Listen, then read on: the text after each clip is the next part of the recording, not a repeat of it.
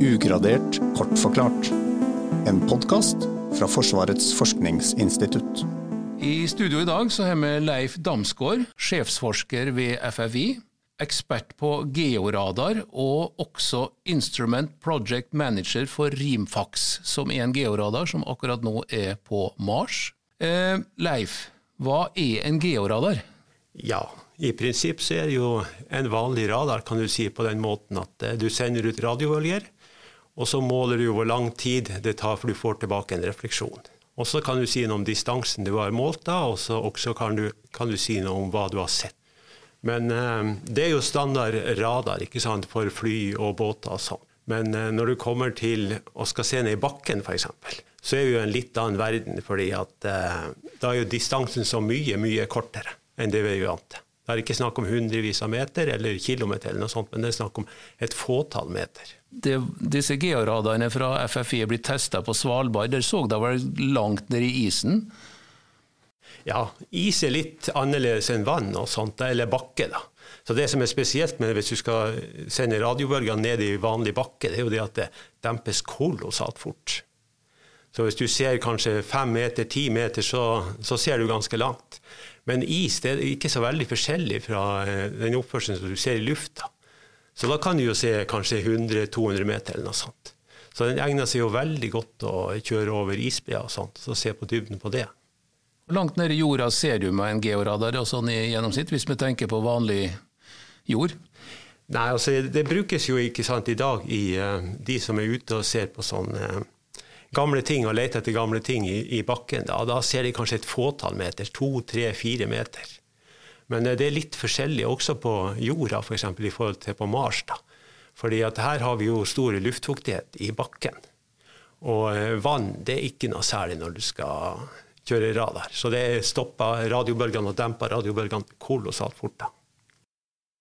Rimfax er en georadar, men den er spesialutvikla for å brukes på Mars. Hva er det som er forskjellen på en jordisk georadar og en Rimfax? Ja, det er, det er, jeg tror vi kan si nesten tre eller fire forskjeller. Den første forskjellen er jo det at på jorda her så drar du ofte radaren over bakken. På en slede eller noe sånt, sånn at eh, selve antennen ligger på bakken. Og det er en fordel i forhold til den kraftige refleksjonen som du får fra selve bakken. Men det er ikke lov på Mars. Du får ikke lov å dra noe etter roveren som ligger på bakken. Så der er antenna flytta opp i selve roveren. altså Den ligger 60 cm over eh, bakken der. Det er en viktig forskjell. Og så, så er det jo et helt annet klima da på Mars. Så det er jo ekstremt forskjellig. Så den skal jo tåle andre påkjenninger som er helt forskjellige fra jorda. Og eh, den tredje tingen er jo det at eh, du sender han opp, og så ser du han aldri igjen.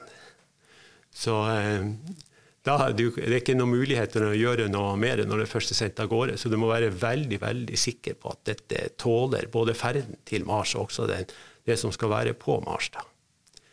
Og den siste det er jo det at det er jo aldri noen som har vært med en sånn radar på Mars. Så du vet egentlig ikke hva du skal se, altså hva du kan forvente å se. Så det betyr at alle egenskapene til, radia, til radaren er egentlig programmerbare på en sånn måte at når vi lærer underveis på Mars og ser, så kan vi skru på egenskapene til den. da.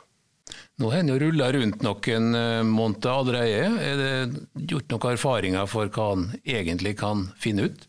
Ja, har, det er kjørt 2,7 eh, km hittil. Og vi er vel kommet på kanskje Mars-døgn nummer 280. Så det har vært en del kjøring, og vi har jo fått bra da, eh, data foreløpig. Så vi ser jo hvordan lagdelinga er på Mars og sånt. Men det er klart det er veldig veldig mye jobb framover nå til å tolke de dataene. Så Foreløpig så er det liksom rimfagsteamet som fått sett på dataene, men de blir jo offentliggjort når det har gått en stund. og Da kan jo hele verden gå inn og gjøre sin tolkning av det. Er det noen overraskelse? Eh, nei. Det er, eneste overraskelse er vel kanskje at eh, vi ser kanskje bedre enn vi hadde håpa på. da. Kanskje litt dypere. Hvor dypt ser du? Altså, Foreløpig så er vi nok på en, mellom 10 og 20 meter. Og kravet var nok at vi burde se 10 meter opprinnelig. Så vi ser nok mer enn det. Men det, kan, det er jo veldig avhengig av hva du kjører over. Hva ser jeg? Er det, det, er vel ingen marsboere foreløpig, men uh, vann er vel en av tingene som kanskje er på jakt etter? Eller spor av at det har vært vann? Ja, det er særlig det som de ser. Og det er jo geologer som må prøve å tolke det de ser foreløpig. Da.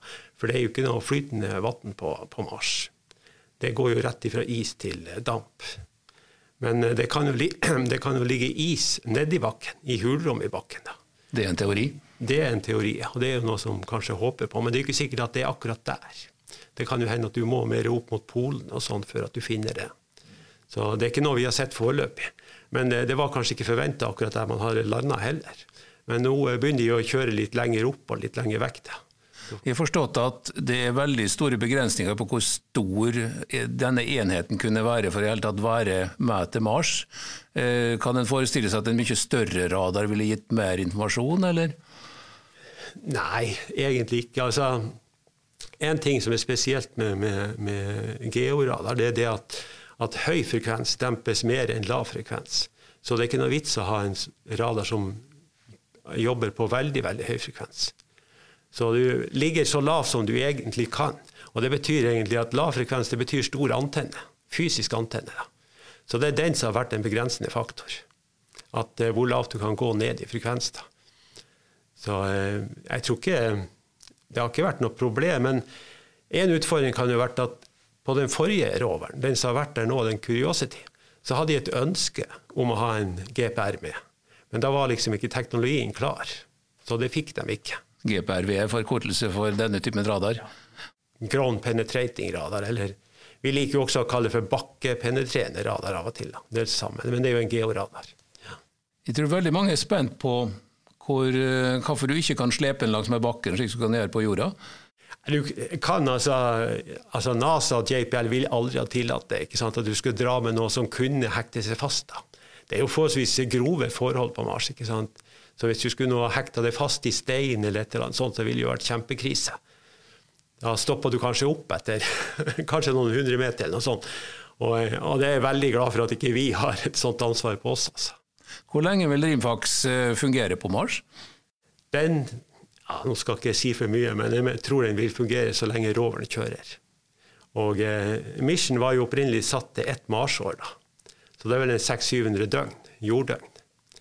Og, eh, men det ser jo sånn som Curiosity den har vel gått helt til nå, fra 2012. Så eh, det kommer litt an på at de klarer å bemanne opp prosjektet, at de ser at de får mer eh, forskning ut av det og sånt. da. Så kommer de sikkert til å kjøre kanskje ti år. Og jeg, vil, jeg tipper at radaren kommer til å fungere i de ti åra. Vi har ikke hatt noen ting hittil som ikke har fungert eller noe sånt. Det var det vi rakk å få høre om georadar og rimfax i denne omgang. Hvis du vil vite mer om denne teknologien og hva som foregår på Mars, så gå på våre nettsider ffi.no og les mer der.